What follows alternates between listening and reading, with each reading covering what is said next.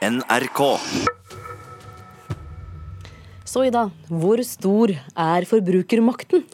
Den er større og større, virker det som. Ja, De siste døgnene har i hvert fall flere påvirkere som eh, da tjener penger på å profilere ulike produkter i sosiale medier, oppfordret til boikott av eh, to nettbutikker.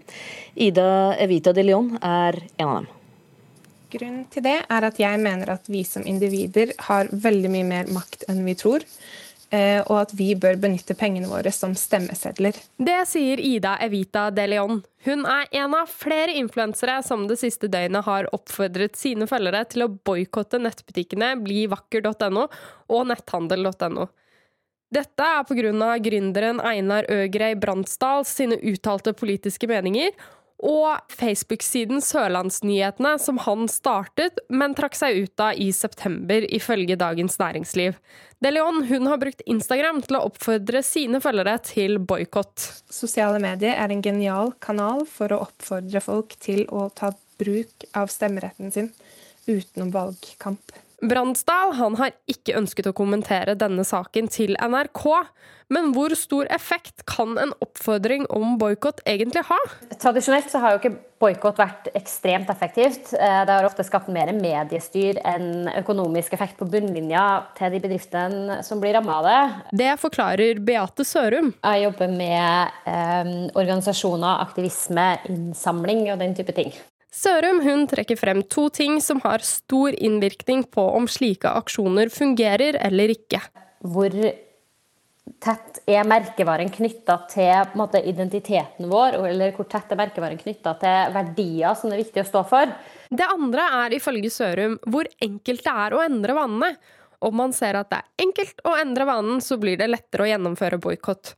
Hun ser også at forbrukere får mer å si. Altså Forbrukermakt er noe som vi ser begynner å ha uh, mer og mer betydning. Det å måte uh, stå for noen ting, det å ha noen verdier, det å drive med uh, en slags form for aktivisme, blir stadig viktigere for folk. Og da er det klart at den, den forbrukermakta begynner å ha mye å si. Hun trekker frem bl.a. palmeoljedebatten her til lands og I USA, mange bedrifter som hvis de måtte vise støtte til Donald Trump eller en del sånne eh, høyreradikale ideer, så ser vi at det begynner å ha at det får en reell effekt på bunnlinja deres. Forbrukermakta virker. Og det Leon, hun ser på pengene sine som makt. Og jeg tror at jeg som enkeltindivid har makt til å faktisk utfordre, utfordre systemet. Ja, du kan lese mer om eh, denne saken på nrk.no. Reporter var eh, Maiken Svendsen. I går kom nyheten om at statsministeren ikke skal flytte inn i Høyblokka i det nye regjeringskvartalet. Det var Aftenposten som skrev om det. 22. juli-senteret skal fortsatt være der. Og den nyheten er Lisbeth Kristine Røyneland i den nasjonale støttegruppa etter 22. juli glad for. Det er en stor lettelse at det ble tatt en så god beslutning i dag. Eh, og at senteret da kan forbli der hvor det er, og fortelle historien om det som skjedde der det skjedde. Det er veldig veldig viktig for oss, og jeg tror det også er veldig viktig for eh, demokratilæring i skolen. Nettopp det å være der det skjedde, og lære. Men da blir det en utfordrende situasjon sånn sikkerhetsmessig å ha statsministeren i det samme bygget. Kulturkommentator i NRK Agnes Moxnes, hvorfor det? Ja, Vi vet jo egentlig lite om det, for sikkerhetsspørsmål blir jo gjerne hemmelighetsstemplet. Men det vi vet, er at det blir sett på som en sikkerhetsrisiko at eh, statsministeren, skal sitte i et bygg hvor det i første etasje eller en tilstøtende paviljong ligger et område som er tilgjengelig, tilgjengelig for, for allmennheten. Så hvilke konsekvenser får dette? Altså Statsministerens kontor er jo et av de absolutt største og, og sikkerhetsmessig mest krevende i, departementer i regjeringen, så det vil få konsekvenser. Eh, tidsmessig eh, nå blir helt sikkert eh, ferdigstillelsen eller begynnelsen av ferdigstillelsen av det nye regjeringskvartalet forskjøvet fra 2024 til 2025. Det kommer til å bli dyrere, vi vet ikke hvor mye ennå. Og det vil også høyst sannsynlig påvirke påvirke eh, totalarkitekturen i regjeringskvartalet. Høyblokka, den skulle, altså der statsministeren skulle sitte på toppen, har jo, og skulle også nå i fortsettelsen være den mest ruvende, det mest ruvende bygget i regjeringskvartalet. Nå er det mulig at det er et av de andre byggene som får den hovedrollen. Hvorfor kan ikke 22. juli-senteret flyttes? Eh, først og fremst eh, fordi 22. Eh, har vært så vellykket. Det hadde åpnet i 2015, så var det helt klart for alle som var der, at det var helt riktig å legge det der. Bomben smalt 22.07.2011. Eh, og, og så jeg tror at det er liksom det da Stortinget liksom skar igjennom nå i sommer, i juni. altså Både Kommunaldepartementet og Statsbygg har utredet flere muligheter for å legge 22. juli-senteret et annet sted. Stortinget skar igjennom nå i, i juni.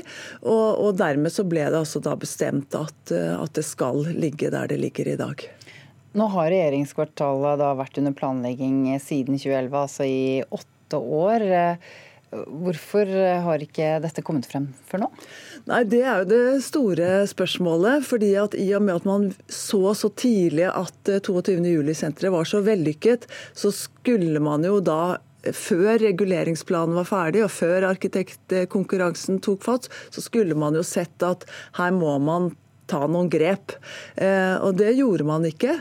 Eh, og Dermed så kom man da i en situasjon nå i sommer eh, hvor man er nødt til å gjøre store endringer i de planene som, som allerede er blitt lagt. I dag og flere uker fremover blir det demonstrasjoner mot rivingen av Y-blokka.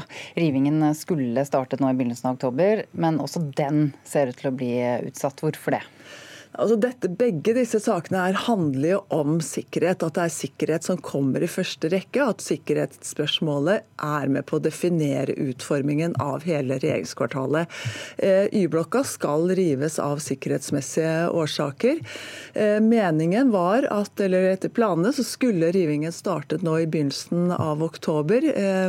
Men så er det blitt klaget, eh, sendt inn flere klager på rivingen av Y-blokka, bl.a. pga. Eh, dens arkitektur og at Picasso er på, ende, på endeveggen.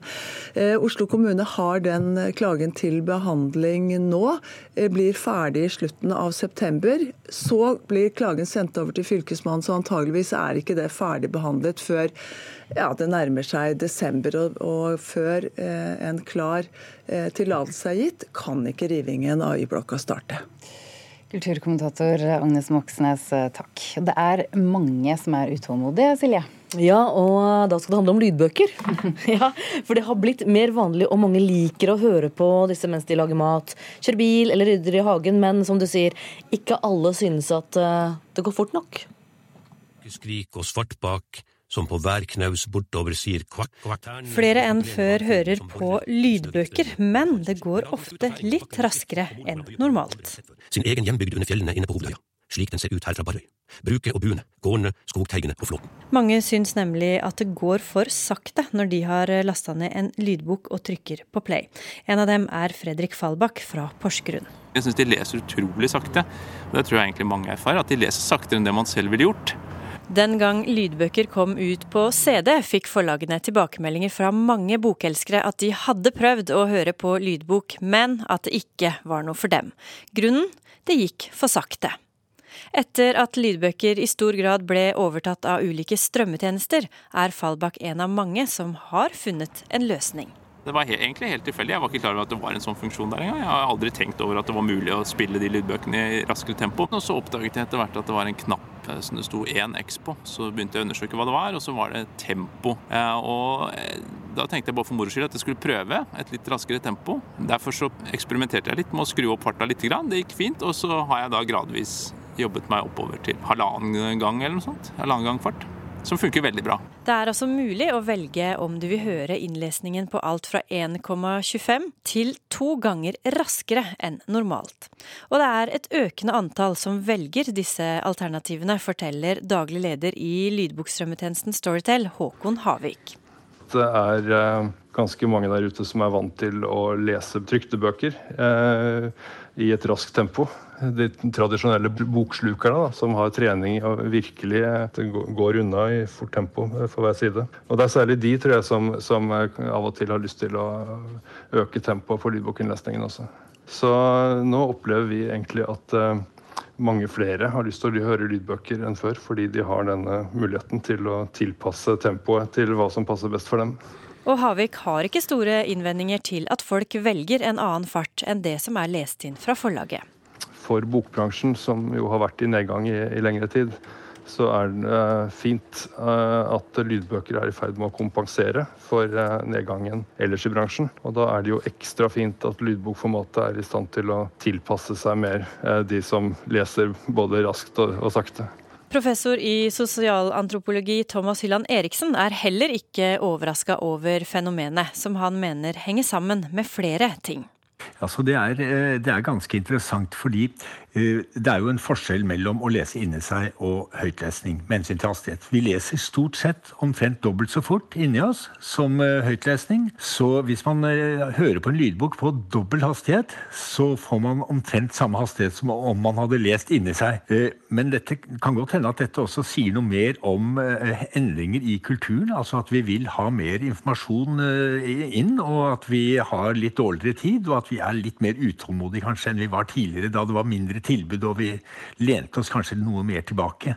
Fallbakk er fornøyd med oppdagelsen av hurtigknappen for lydbøker. Han har også latt seg friste av en lignende funksjon for YouTube, men der gikk grensa også for han. Det ble litt uvant for meg eh, å se de filmene hvor folk nærmest løper. Eh, altså Det blir liksom karikert på en annen måte enn bare at lyden går fort. da. Så, så det er jeg litt usikker på, faktisk. Det er sikkert en vanesak, det også. Men eh, så tror jeg ikke det er noe jeg kommer til å begynne med med det første.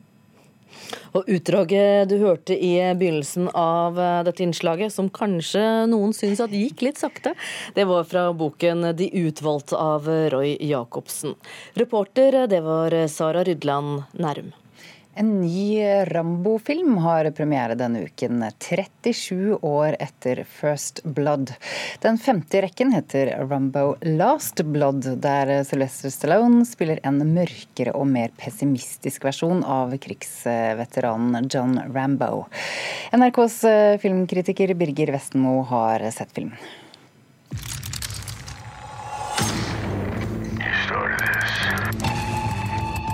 I'll end it.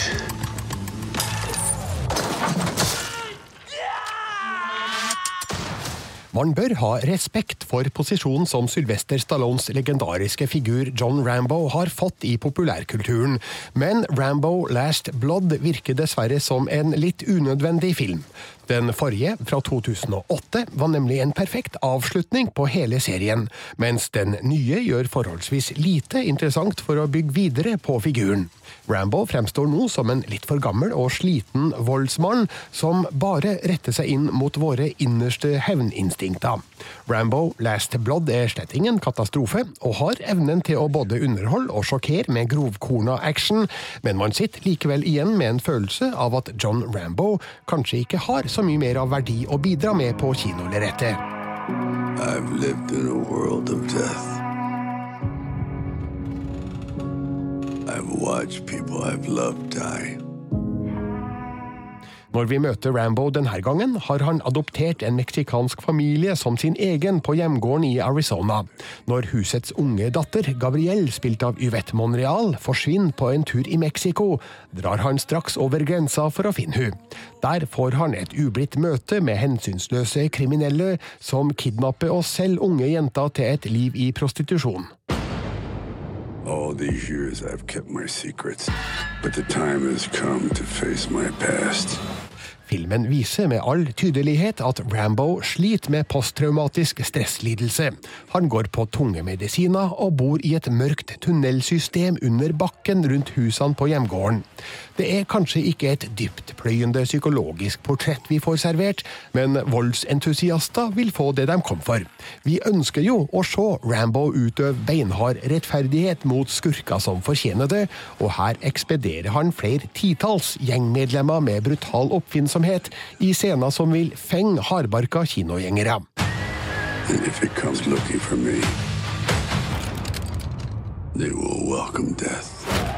Det her er kanskje siste gang vi får se Rambo på kino, og i så fall skulle jeg ønske at det var en bedre avslutning. Filmen er for enkel, grovkanta og liten i formatet, og det er litt betenkelig at Sylvester Stallone sjøl regisserte en mer intens og potent Rambo i 2008 enn det langt yngre Adrian Grunberg har prestert med Rambo Last Blood.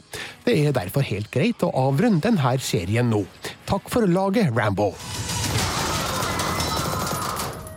I'm gonna hurt you real bad. Terningkast tre. Rambo Last Blood ble anmeldt av Birger Vestmo.